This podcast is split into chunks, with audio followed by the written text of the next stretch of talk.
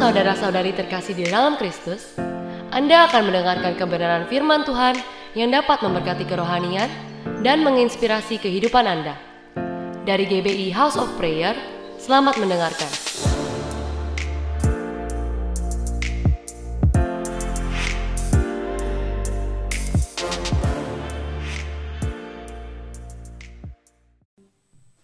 Shalom.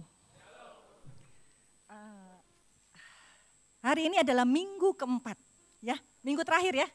Kita masuk dalam tema, tema kita ada, ada yang tahu apa? Reaching out, oke. Okay. Tema kita bulan ini reaching out. Dan kali ini saya nggak sendiri. Boleh nggak saya ditemenin ya, sama saudara-saudara saya, sama anak saya. Jailah ya, mereka ini yang sudah melakukan dan akan terus melakukan. Dan bagaimana cara mereka uh, untuk apa ya, uh, reaching out untuk jiwa-jiwa. Yuk kita undang ya, anak saya Aldi. Shalom semuanya. Oke, uh, terima kasih buat Cikar, buat kesempatannya. So, uh, saya panggil biar akrab teman-teman aja ya. Saya panggil teman-teman. Teman-teman hari ini kita akan bicara tentang yang namanya reaching out. Oke, simpelnya aja lah, bahasa Indonesia-nya aja. Reaching out simpelnya artinya menjangkau, setuju? Ya memang itu artinya harus setuju, ya kan. So, uh, bicara tentang reaching out, saya cuma pengen sedikit bagian hati yang memang saya dapetin ya dari Tuhan tentunya dan saya dapatkan dari komunitas saya.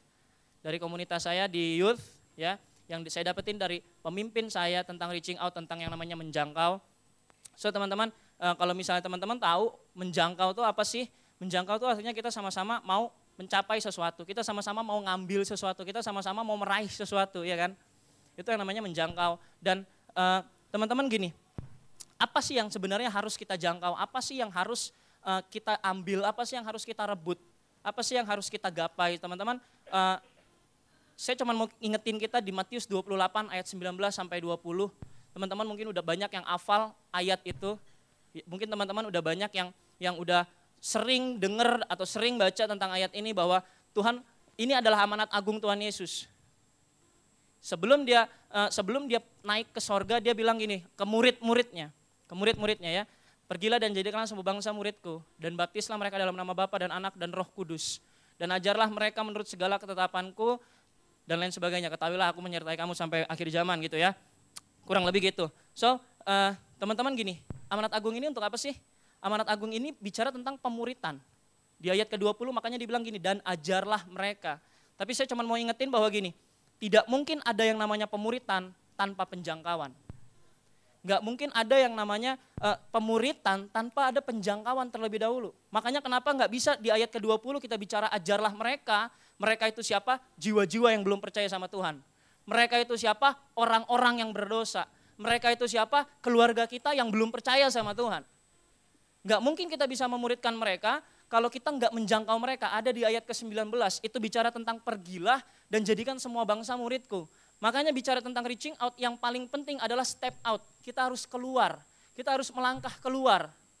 Kayak gitu teman-teman. Kenapa begitu? Karena gini, percaya nggak Yesus nggak pernah cari fans. Yesus nggak kayak boyband Korea atau yang banyak-banyakan fans, enggak. Yesus cari yang namanya murid. Karena murid itu diajar dan diutus. Murid selalu mau belajar. Murid selalu mau dekat sama gurunya. Gitu. Makanya kenapa gini? Yesus cari murid-muridnya dan pesan ini disampaikan buat murid-muridnya. Siapa murid-muridnya? Saya cuma mau bilang bahwa pesan penjangkauan bukan tentang uh, itu cuma tugas pelayan atau bukan tugas gembala atau bukan tugas mentor, bukan, tapi tugas setiap orang yang percaya sama Tuhan, yang sudah diselamatkan sama Tuhan. Berarti saya bisa bilang bahwa itu tugas setiap kita yang ada di tempat ini. Ya gitu. Nah, saya cuma pengen sedikit kesaksian. Bukan berarti saya lebih baik dalam hal penjangkauan. Bukan berarti uh, saya lebih baik dari teman-teman yang lain. Bukan. Tapi uh, ini saya mau sampaikan benar-benar saya mau bagi hati sama teman-teman semua.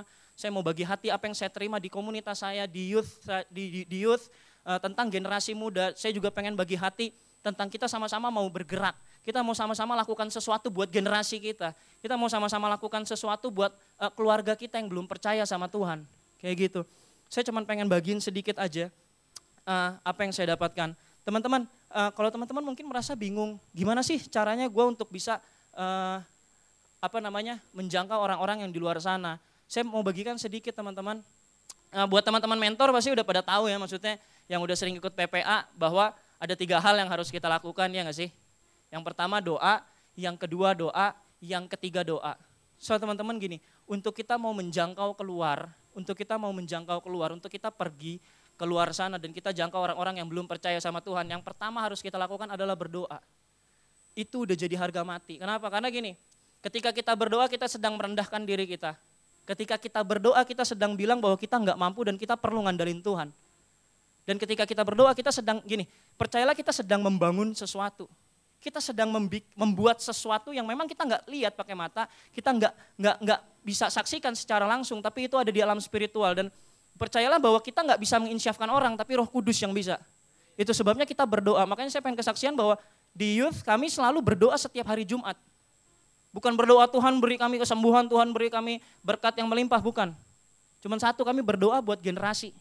Kami berdoa buat anak-anak uh, muda, kami berdoa buat eh, orang-orang yang yang udah terhilang, yang pernah ke gereja terus mereka ngilang lagi dan lain sebagainya. Kami berdoa untuk itu.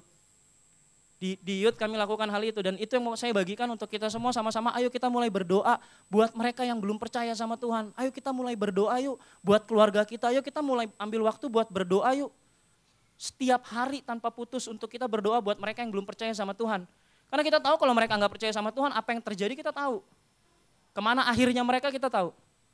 Itu sebabnya saya mau ajak kita sama-sama untuk mulai berdoa buat generasi ini. So teman-teman, gak ada satupun tokoh Alkitab yang berhasil tanpa berdoa. Semua pasti berdoa. Daud berdoa. Musa berdoa sama Tuhan. Jadi gak ada satupun tokoh Alkitab yang berhasil tanpa doa. Gitu. Nah yang berikutnya apa sih yang harus kita lakukan teman-teman? Mulailah melakukan sesuatu. Gini ya, kalau pertama kita bicara berdoa itu bicara tentang iman. Iman harus disertai dengan perbuatan. Makanya kenapa gini? Berdoalah sebelum kamu melakukan sesuatu dan lakukanlah apa yang kamu doakan. Makanya kenapa gini? Kamu berdoa buat jiwa-jiwa, maka apa yang kamu lakukan pasti untuk jiwa-jiwa. Kalau kamu berdoa buat keluarga kamu supaya keluarga kamu ditolong atau diselamatkan Tuhan, maka kamu juga harus melakukan sesuatu buat keluarga kamu. Kamu harus mulai ngulurin tangan buat keluarga kamu atau teman-teman kamu. Kamu harus mulai memperkenalkan Yesus sama mereka. Kayak gitu. Makanya kenapa e, lakukan apa yang memang kita sudah doakan bersama-sama. Lakukan memang apa yang yang e, kita mohonkan sama Tuhan sama-sama. Kayak gitu. Nah, teman-teman untuk kita bisa jangkau e, pertanyaannya adalah gini. Gue harus mulai dari mana? Biasanya itu yang paling sering terjadi ya. Kalau gue mau jangkau teman gue untuk percaya sama Tuhan, kalau gue pengen jangkau keluarga keluarga gue, kalau gue mau ngejangkau orang, sebenarnya gue mau ngejangkau orang ini mulai dari mana? Saya punya uh, sedikit ilustrasi, teman-teman mimbar ini sama drum itu mana yang bisa saya jangkau? Sebenarnya keduanya. Saya bisa jangkau mimbar ini, tapi saya juga bisa jangkau drum itu. Cuman untuk ngejangkau drum itu otomatis saya harus berpindah, saya harus jalan, saya harus punya tenaga, uh, keluarin tenaga lebih banyak, saya harus keluarin waktu lebih banyak untuk ngejangkau drum itu, bener gak? Karena kan ada jaraknya. Jadi saya cuma mau bilang gini, ketika kita mau ngejangkau orang, jangkaulah dari yang paling dekat. Karena yang paling dekat itu bisa kita jangkau secara langsung. Kayak gitu. Makanya kalau di youth biasanya kalau misalnya kita pengen uh, kelar doa kadang gitu hari Sabtu gitu kita suka bilang coba keluarin handphonenya, kontak uh, teman-teman kamu yang ada di handphonemu untuk datang ke youth. Kayak gitu. Itu bicara tentang apa? Lu jangkau yang paling dekat. Yang paling dekat ya yang ada di kontak handphone. Pasti kita kenal dong. Kan nggak mungkin kita save kontak yang kita nggak kenal gitu, tukang pempek depan gitu nggak jelas kan nggak mungkin ya kan? Jadi kita pasti mulailah dari yang paling dekat. Mulailah dari yang memang kita bisa jangkau, yang paling dekat sama kita. Mulai dari keluarga kita, mulai dari uh, teman-teman kita. Kalau yang punya adik mungkin adiknya atau cicinya atau kokonya, ya. Mulailah dari situ untuk kita ngejangkau generasi ini. Terus teman-teman yang berikutnya apa yang harus kita lakukan? Mulailah uh, apa menjangkau orang-orang yang memang ada di dalam masalah. Eh jadikan masalah itu sebagai batu loncatan untuk kamu masuk dalam kehidupan seseorang untuk kenalin Yesus. Itu yang biasa kami lakukan di di di youth biasanya hal eh, apalagi anak muda ya, anak muda tuh paling gampang paling gampang ngejangkau tuh dua hal. Eh anak, anak muda tuh selalu ada dua hal, dua anak SMP SMA gitu ya biasanya dua hal yang paling penting tuh. Yang bisa membuat dia keluar dari gereja atau masuk ke dalam gereja. Yang pertama pacaran, yang kedua pacaran.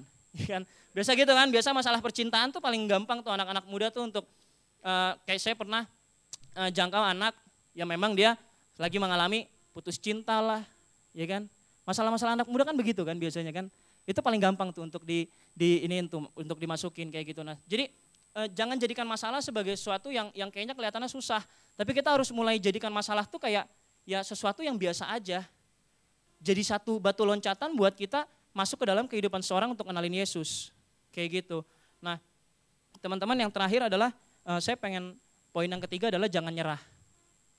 Saya pengen setiap kita dalam menjangkau jiwa-jiwa di luar sana, ngejangkau uh, teman-teman kita yang belum percaya, kita nggak boleh nyerah teman-teman. Meskipun mungkin akan ada penolakan, meskipun mungkin apa namanya uh, nggak sesuai dengan yang kita harapkan, mungkin kita diomongin atau mungkin kita uh, ya diremehkan dan lain sebagainya. Saya cuma mau bilang jangan pernah nyerah. Ketika kamu melayani Tuhan jangan pernah nyerah. Jangan nyerah walaupun itu lelah sekalipun jangan pernah nyerah. Karena percayalah ada satu sukacita ketika kamu berhasil. Nggak perlu bawa banyak, cukup satu aja. Kamu tahu bahwa sorga bersorak karena satu orang diselamatkan. Kamu tahu bahwa Tuhan kita adalah Tuhan yang ninggalin yang 99 untuk datengin satu yang tersesat gitu loh.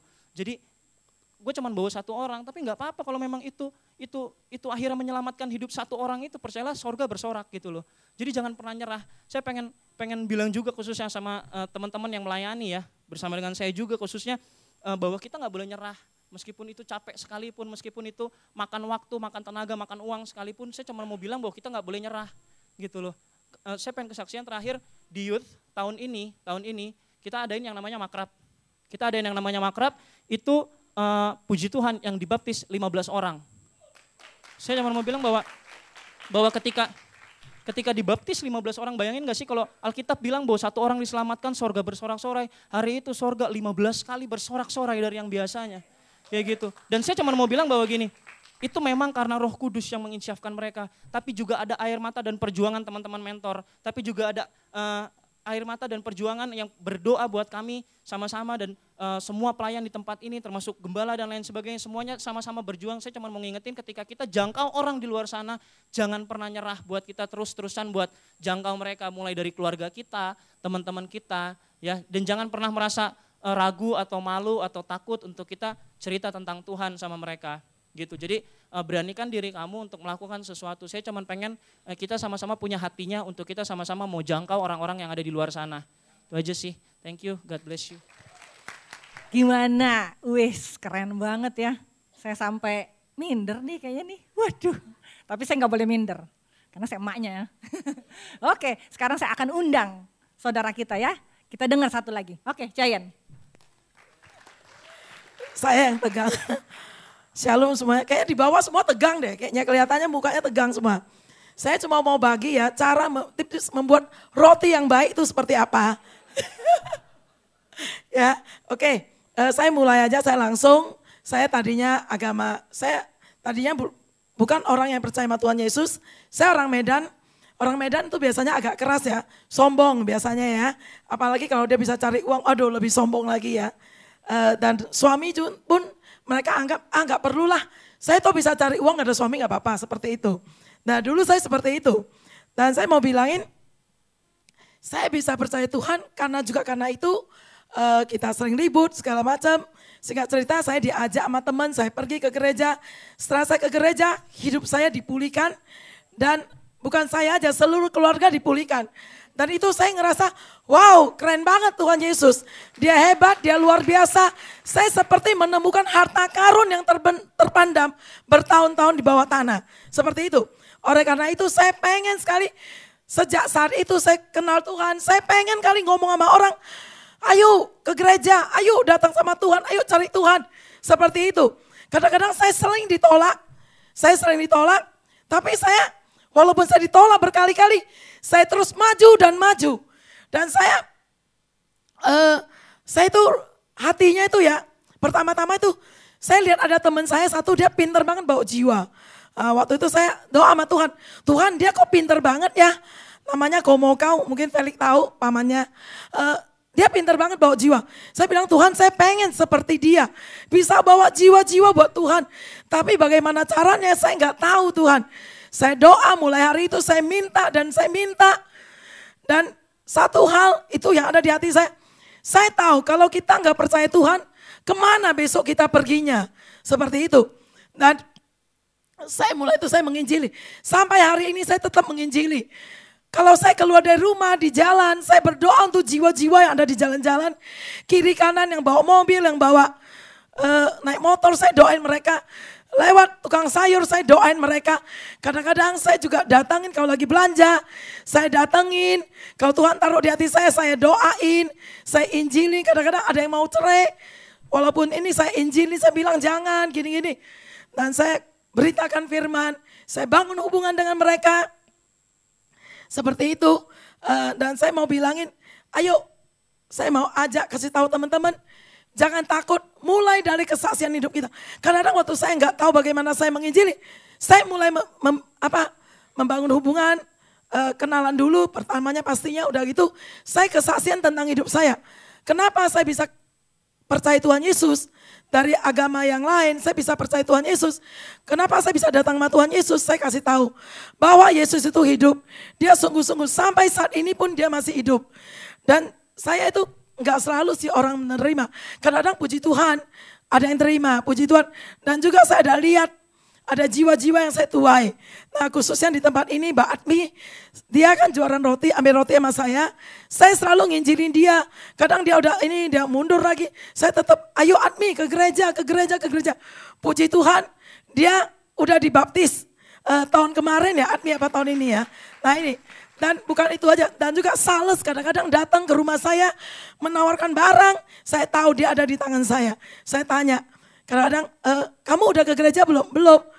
Ayo, lu tahu nggak Yesus itu hidup loh. Gini, gini nggak mungkin dong dia mau nawarin barang. Enggak, langsung dia pergi. Karena saya tahu dia butuh saya. Jadi ini kesempatan saya untuk memberitakan Tuhan kepada dia. Dan saya nggak lepaskan dia. Kadang-kadang juga di rumah duka. Pernah hari itu ada mamanya Sandra meninggal di rumah duka. Saya lihat itu uh, biksu ya, biksu habis uh, itu baca nyamkeng lah itu berdoa gitu. Saya sebenarnya Tuhan, bagaimana saya injilin dia ya Tuhan? Bagaimana ya saya kasih tahu dia bahwa Engkau itu hidup, Engkau itu nyata, Engkau itu juru selamat. Saya kan nggak bisa ngomong kan, kalau Mandarin nggak bisa ngomong. Saya ajak ponakan saya singkat cerita, mereka mau, maksudnya menjadi uh, kayak pengantara ya, translate gitu ya. Saya ngomong, uh, saya salam sama dia. Saya bilang, saya senang, uh, Tuhan mengasihi kamu, Tuhan mencintai kamu. Saya bilang kita ketemu hari ini nggak ada yang kebetulan. Saya bilang gitu, Tuhan uh, Yesus itu ada, dia hidup. Kamu harus percaya karena dia juru sama dunia. Aku bilang sama dia, Tuhan suruh saya ngomong ke kamu. Bahwa Tuhan mengasihi kamu, kamu harus percaya sama dia. Walaupun dia biksu, saya nggak takut. Saya maju terus. Seperti itu. Dan waktu cici saya meninggal juga ada mantunya yang dari Singapura. Saya kan nggak bisa ngomong bahasa Inggris. Saya ajak itu uh, anak yang ngajar di sekolah minggu. Nah saya ajak dia, saya bilang, ayo kita injil. Uh, saya mau ngomong sama orang itu, kamu transit. Mau nginjil, jangan saya nggak kenal. Nggak apa-apa, kamu tinggal ngomong aja. Saya nginjili, kamu ngomong. Akhirnya dia mau. Singkat cerita saya nginjili, itu uh, Cici saya punya mantu, saya injili. Dan di mana aja kadang di di uh, waktu mamanya Felix meninggal juga di rumah duka uh, tempat pembakaran itu. Nah, saya juga injilin itu sapam yang di depan. Saya injili sudah percaya Tuhan Yesus. Udah gitu, teman saya udah takut. Eh, lu jangan sembarangan ngomong nanti di di Grab jangan sembarangan ngomong ya, jangan asal nginjili. Tapi aduh saya tersiksa kalau saya nggak ngomong sama supir Grab itu. Bahwa Yesus itu tuh saya nggak tahan. Kayak orang kebakaran gitu. Aduh panas rasanya bangkunya. Saya terus gini-gini ngomong-ngomong. Singkat cerita sampai turun. Saya kesaksian tentang hidup saya seperti tadi itu. Kenapa saya percaya Tuhan Yesus. Kita tiga belas saudara, saya doang yang udah percaya. Saya Kasih tahu dia, singkat cerita sampai waktu mau turun, udah dah saya ngomong dah. Saya nggak tahu lagi kapan saya bisa ketemu supir Grab itu kan. Saya bilang, Pak, Bapak saya Tuhan Yesus. Karena Tuhan Yesus itu juru selamat dunia. Dia itu benar-benar Tuhan. Dia itu benar-benar Tuhan. Saya bilang sama dia gitu. Udah gitu, udah. Saya turun. Uh, terima kasih Tuhan berkati. Saya bilang sama Bapak itu. Uh, dan itulah. Dan saya seperti itu cara saya menginjili orang. Dan saya itu selalu berdoa dan berdoa. Sampai hari ini juga saya selalu doakan keluarga saya. Walaupun mereka menolak saya, puji Tuhan di dalam 13 12 dua sudah percaya Tuhan Yesus. Dan masih ada lagi tugas saya masih banyak. Saya selalu doa. Pagi, malam mau tidur saya selalu berdoa. Bangun tidur berdoa dan berdoa dan berdoa minta. Saya mau bilangin sama teman-teman di sini yang mungkin belum punya kerinduan atau belum punya keberanian minta sama Tuhan. Tuhan akan memberikan kita kuasa. Kalau saya dikasih kuasa untuk menginjiri keberanian, saya percaya setiap kita yang di tempat ini, semua pasti diberi kuasa. Tinggal kita sendirinya menjalani. Amin dan haleluya. Wow, wow, wow, wow. Huh, luar biasa ya. Jadi kalau kita udah ngedengar nih kesaksian mereka ya. Susah apa gampang?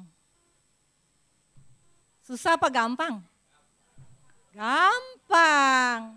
Mereka sudah lakukan. Yuk tepuk tangan, kita kasih tepuk tangan. Ya, silakan. Saudara, seorang penjangkau jiwa, apa ciri-cirinya? Mereka yang punya inisiatif. Benar nggak? Seorang yang punya inisiatif, mereka lihat loh. Mereka lihat ada jiwa-jiwa. Seperti tadi, ada jiwa-jiwa. Mereka yang bergerak sendiri tanpa ada, tadi Adi bilang, saya nggak mau jadi follower kok. Tapi saya mau jadi inisiator. Lihat ada jiwa, bergerak. Seorang ciri penjangkau jiwa. Dia mau bergerak. Dia adalah yang mencetuskan, bergerak. Tanpa ada orang, nggak ada yang mau. Tapi dia mau berdoa. Seperti Cayan, mau. Orang yang mau. Orang yang mau bergerak. Tanpa ikut-ikutan. Ciri Apakah kita punya ciri kayak gitu? Seorang yang punya ciri yang mau bergerak itu karena dia punya belas kasihan. Dalam Matius, Tuhan Yesus berkata, tergeraklah hatinya orang belas kasihan. Betul? Apa itu belas kasihan? Belas kasihan adalah perasaan ilahi yang Tuhan taruh dalam hati kita. Sehingga membuat kita bergerak itu namanya belas kasihan. Apakah kita masih punya itu? Pertanyaannya apakah kita masih punya itu? Sehingga kita mau bergerak. Orang yang punya inisiatif, orang yang melihat kebutuhan. Tadi kan ya, Aldi Ciayan bilang, dia melihat kebutuhan. Apa sih yang orang lain butuhkan? Dan dia mau bergerak. Saudara, satu kegerakan yang namanya kegerakan Pentakosta di Azusa Street. Ada yang pernah dengar? Ada yang pernah dengar? Itu dimulai dari kegerakan satu orang. Ada yang tahu namanya? Namanya William Seymour. Seorang yang rindu. Seorang dia hanya seorang pelayan restoran. Tapi Tuhan pakai untuk satu kebangunan yang luar biasa. Kalau kita mau dipakai Tuhan, Tuhan gak cari orang yang keren. Tuhan gak cari orang yang pinter. Tuhan gak cari orang yang luar biasa. Yang Tuhan cari orang biasa yang punya hati luar biasa. Haleluya. Apakah kita punya hati yang luar biasa di hadapan Tuhan? Apakah kita punya belas kasihannya Tuhan? Sehingga waktu kita punya belas kasihan, kita bisa merasakan apa yang Tuhan rasa. Perasaan ilahi yang Tuhan taruh.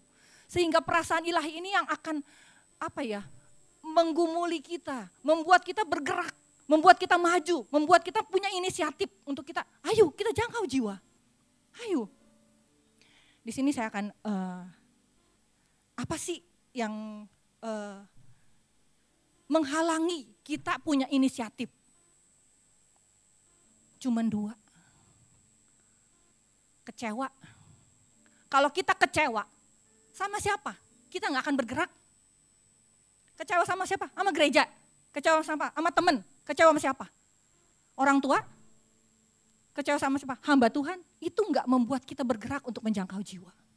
Kekecewaan. Yang kedua, membandingkan diri. Kalau kita punya spirit kayak gitu tuh, jangan arep deh kita bisa jangkau jiwa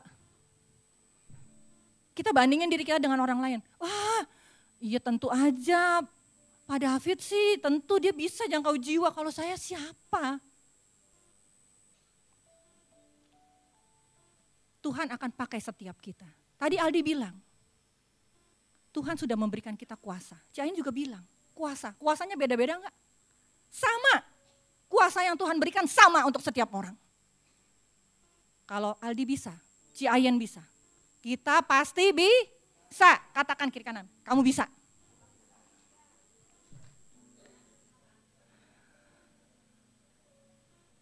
Saudara, uh, tahu nggak Thomas Alva Edison? Thomas Alva Edison itu penemu bola lampu. Padahal dia dibilang sama gurunya seorang anak yang idiot. Benar gak ya? Tapi ada seorang ibu yang punya belas kasihan, yang punya inisiatif untuk mau mendidik anaknya. Sehingga anaknya bisa menjadi seorang Thomas Alva Edison. Benar. Apakah kita bisa melihat kebutuhan orang?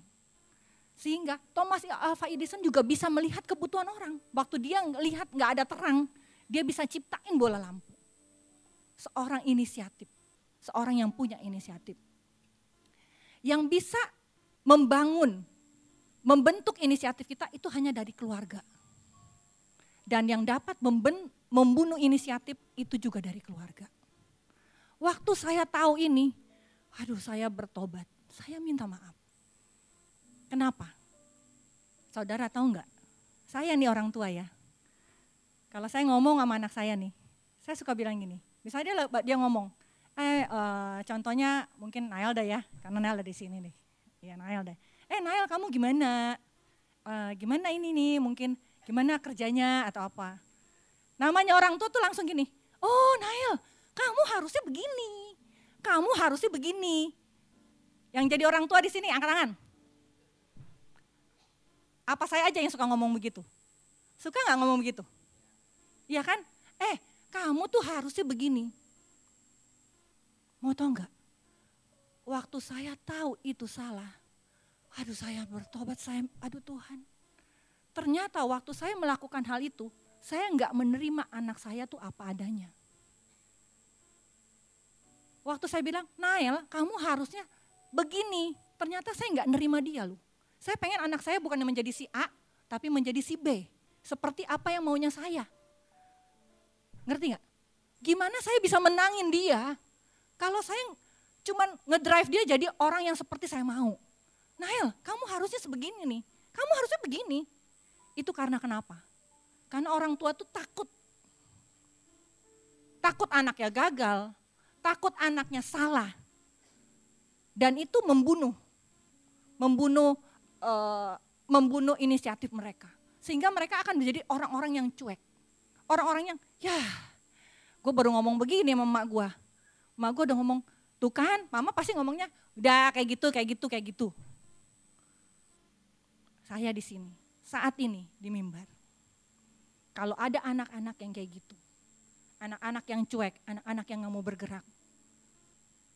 Karena perlakuan orang tua izinkan saya sebagai orang tua, saya minta maaf. Saya minta maaf. Saya minta maaf. Karena kekecewaan itu akan menghambat kita melakukan apa yang Tuhan mau. Tahukah kalian, kalian itu adalah orang-orang yang berharga dan bernilai. Tuhan mau mati di atas kayu salib untuk setiap kita, supaya kita diselamatkan. Begitu juga dengan pasangan saya. Dengan pasangan saya pun sama. Waktu saya ngomong sama Santo, dia suka, uh, saya dengan dia tuh suka beda pendapat. Beda pendapat. Dan saya suka orangnya karena so pinter gitu ya. So pinter tuh saya suka bilang gini, Papa, Papa harusnya begini-begini. Papa masih begini-gini, Papa harus begini. Sebetulnya saya tidak menjadikan dia apa adanya. Berarti bohong banget kalau saya bilang saya cinta dia apa adanya bohong banget. Karena kenapa? Ternyata saya nggak cinta dia apa adanya. Saya cinta dia karena saya maunya dia seperti ini. Dan waktu saya tahu, itu membunuh kreativitas dia. Itu membunuh kreativitas suami saya, itu membunuh kreativitas anak-anak saya. Saya minta maaf. Ya, Jadi kadang-kadang orang bukan nggak punya inisiatif, tapi karena keseringan digituin, orang jadi cuek, jadi males, betul nggak? Itu saya sih. Kayak kalau seringan digini, ah lu bisa apa sih? Nih begini nih yang begini yang bener nih. Lama-lama ya udahlah lu kerjanya sendiri. Itu kan kadang-kadang ya kita jadi males, kita jadi cuek. Nah makanya itulah. Uh, itu salah satu aja yang ini uh, yang saya akan katakan. Asus Asrid dari seorang William Seymour, orang yang berdoa. Orang yang nggak di drive sama apa pun dan sama siapa pun. Dia mau memberi dirinya berdoa. Satu ledakan Pentakosta yang terjadi. Itu dari ada orang yang mau bayar harga. Seperti tadi di generasi muda, ada orang yang mau bayar harga untuk berlutut dengan air mata. Mau memberikan diri mereka anak-anak muda. Untuk mendoakan jiwa-jiwa dari jiwa-jiwa yang dia bilang dari yang terdekat sampai yang terjauh, yang perlu effort, yang perlu usaha. Kita ini nih, kita ini adalah hasil doa orang-orang yang sebelumnya. Tanpa kita tahu, kita nggak pernah kenal. Mungkin kita nggak pernah tahu, tapi ada orang yang berusaha berdoa. Amin. Apakah kita mau melakukan itu? Apakah kita punya spirit, punya ciri orang-orang yang punya belas kasihannya Tuhan? Saudara tahu, di mana ada belas kasihan, di situ ada mujizat. Kenapa Tuhan Yesus? Setiap kali Tuhan berkata, tergeraklah hatinya oleh belas kasihan. Di situ ada kesembuhan. Di situ ada kebangkitan dari kematian. Di situ ada pemulihan. Tapi Tuhan tidak berkata, ayo cari. Waktu Tuhan mau memberi makan 5 ribu orang, Tuhan nggak nggak cari di mana-mana. Tapi Tuhan lihat apa yang ada padamu. Apa yang ada sama kita. Lakukan. Oke, saya belum mulai khotbah nih. Oke, kayaknya waktunya udah tinggal 10 menit. Cepet banget, cepet banget, cepet banget. Oke, uh, kita akan mulai. Uh, tapi sebelumnya uh, saya pengen ini. Ada satu lagu yang belakangan ini tuh uh, apa ya? Saya bilang Tuhan, apa sih maunya Tuhan?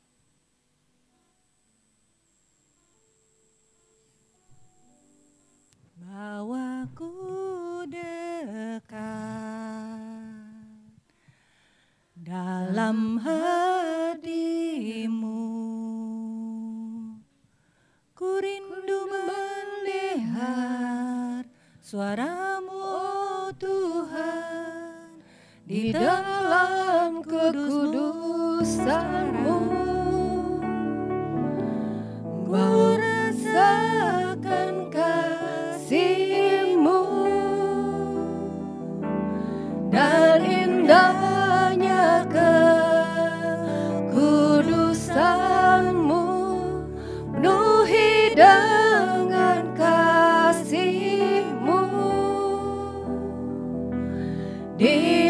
di hadiratmu. Ku mengangkat tanganku Dan ku bersyukur menyembahmu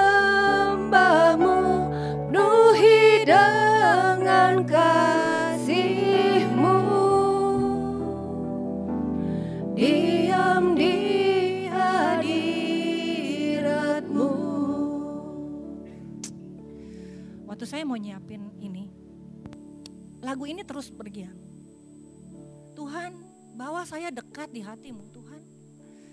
Sehingga saya tahu Tuhan Apa yang sebetulnya Tuhan mau.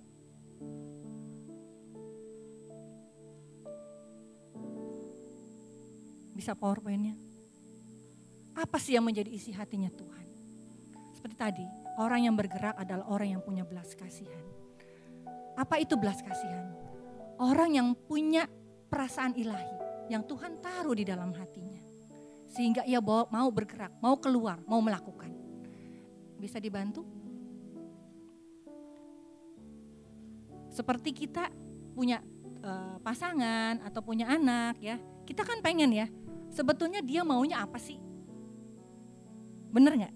Sepertinya dia maunya apa sih yang paling dia pengen? Yang bikin dia seneng. Bener nggak ya? Misalnya kayak uh, kalau tadi pagi Santo bilang, karena kita dekat kita pengen pasangan kita seneng. Santo bilang gini, Pah, eh mah, tahu nggak papa tuh sayang mama loh. Dan papa akan lakukan apa pun yang mama mau. Jailah, cicit gitu. Iya, betul.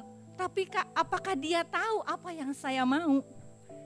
Bener gak? Kalau tadi pagi dia bilang, oke, okay, dia tahu apa yang saya mau. Misalnya, saya maunya cake. Dia demennya ongol-ongol misalnya. Apakah saya ini, kalau dia bawain ongol-ongol saya seneng gak? Seneng, dibawain kan? Seneng. Tapi kak, apakah itu yang saya mau? Bukan kan?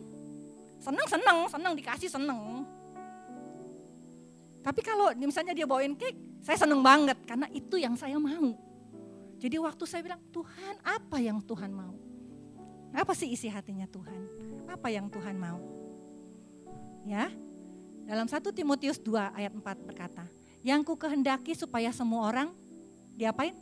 Diselamatkan dan memperoleh pengetahuan akan kebenaran. Jadi yang Tuhan mau apa yang kita mau? yang Tuhan mau. Dalam bahasa Indonesia sehari-hari lebih jelas, ia mau supaya semua orang diselamatkan dan mengetahui yang benar. Oke? Apa akan artinya diselamatkan? Oh saya sudah selamat, selamat. Bukan, artinya tuh diselamatin gak binasa. Kalau tadi ada kesaksian tuh. Saya tahu kehidupan nanti mereka tuh ke mana sesudah meninggal, bener gak ya? Ciayan atau siapa tadi? Aldi, Ciayan saya sudah saya yakin kehidupan saya sesudah nanti saya meninggal, saya tahu saya di mana. In the future, kita tahu waktu yang akan datang. Waktu nanti kita sudah meninggal, kita tahu kita akan ke mana. Karena kita tahu kita akan bersama Tuhan di surga, amin. Kita tahu kita diselamatkan. Hatinya Tuhan supaya jiwa-jiwa itu diselamatkan.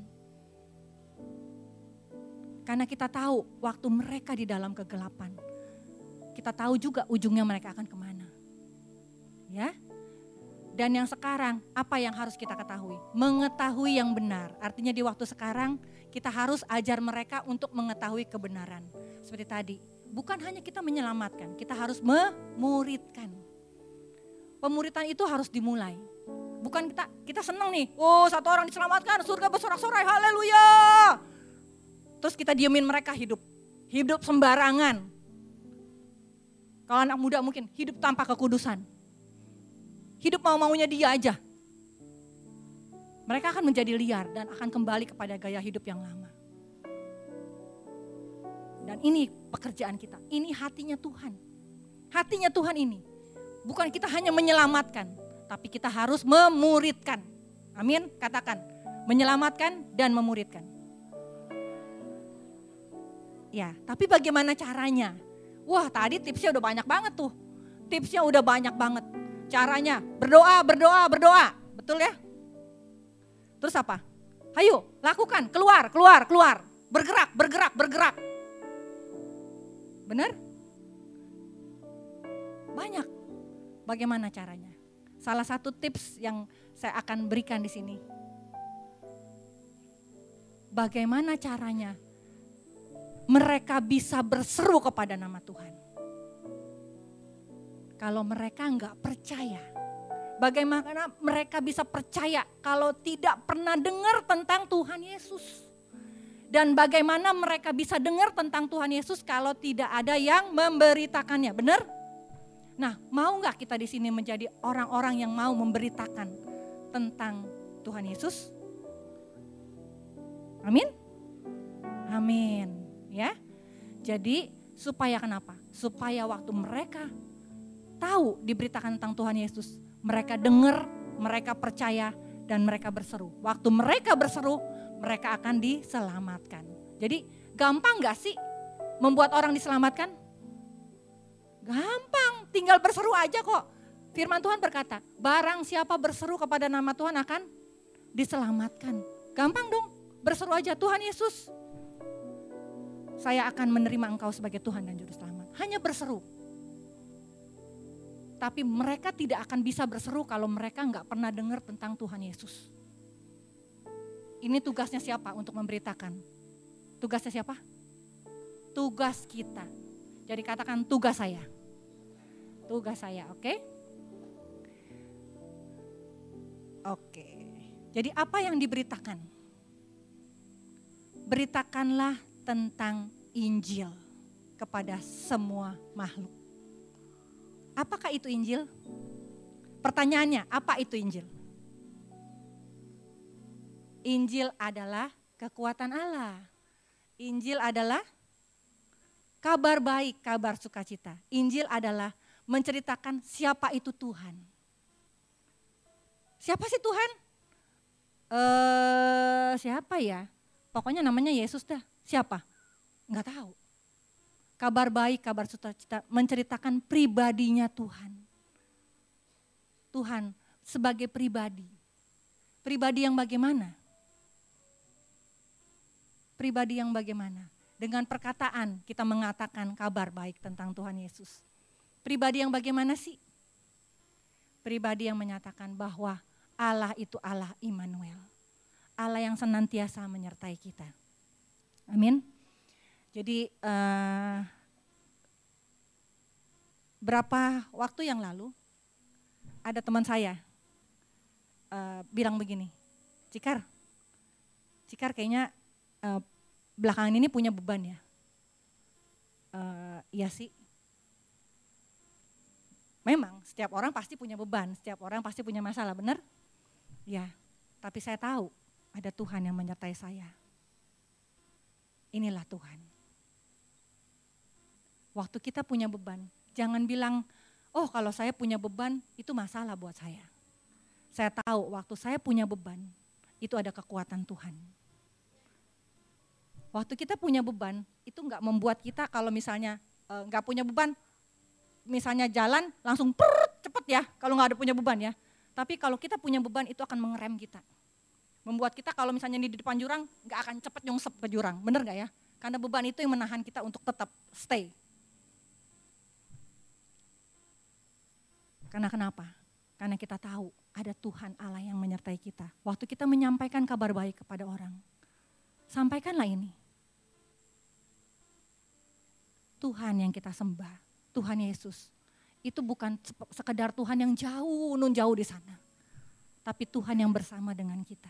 Yang senantiasa menyertai kita. Bahkan apa yang kita lakukan, apa yang belum kita pikirkan, dia sudah tahu. Kalau tadi pagi uh, Santo bilang, kalau misalnya saya dengan anak saya jalan, dia Tuhan yang akan menyertai seperti seorang bapak. Kalau kita jalan, mau nyebrang, kita pasti akan melindungi dia. Misalnya mobil dari sini, kita pasti akan di sini. Benar enggak? Itulah Tuhan kita. Waktu kita jatuh, Tuhan juga yang bersama dengan kita. Dia akan berjanji, waktu kita jatuh enggak sampai tergeletak. Amin? Ya, ini yang harus kita sampaikan. Kita punya Tuhan yang hidup. Seperti tadi, kita punya Tuhan yang hidup. Tuhan yang enggak pernah mati. Karena karena kenapa? Karena dia dalam, dan keselamatan tidak ada di dalam siapa pun selain di dalam Dia, karena Dialah juru selamat. Amin. Seorang juru selamat yang sudah uh, bangkit dari kematiannya dan hidup menjadi juru selamat dalam setiap kita. Tidak ada seorang manusia pun yang mati dan dibangkitkan. Yang menang atas kematiannya hanya Tuhan. Seorang juru masak pasti jago masak, benar nggak? Kalau seorang juru selamat, karena dia bisa menyelamatkan. Amin. Dan ini yang harus kita beritakan. Tidak seorang nabi pun yang bisa menyelamatkan dirinya. Hanya Tuhan kita. Karena dialah juru selamat.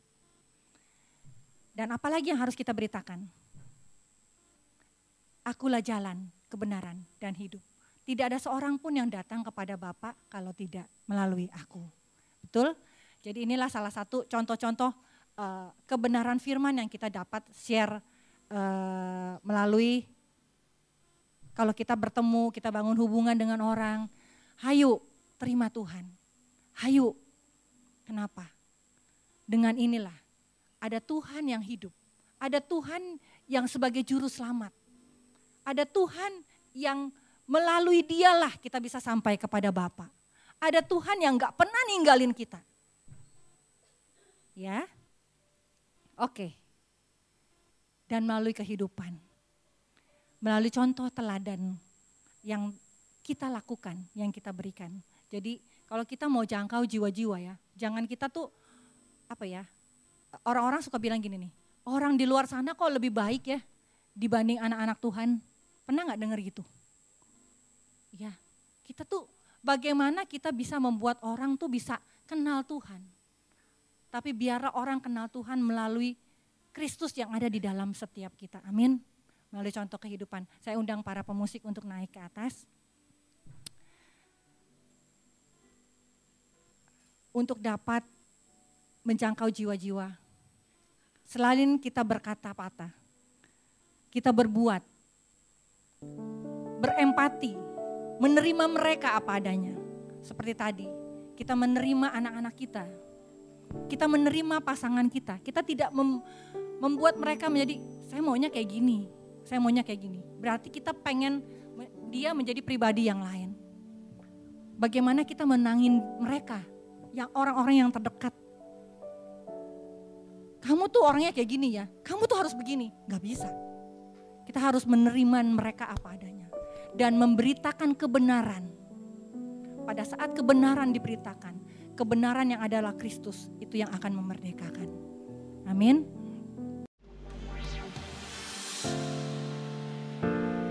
Anda telah mendengarkan sharing firman Tuhan yang disampaikan oleh hambanya. Dapatkan rekaman ibadah melalui website hope church sermon Tuhan Yesus memberkati.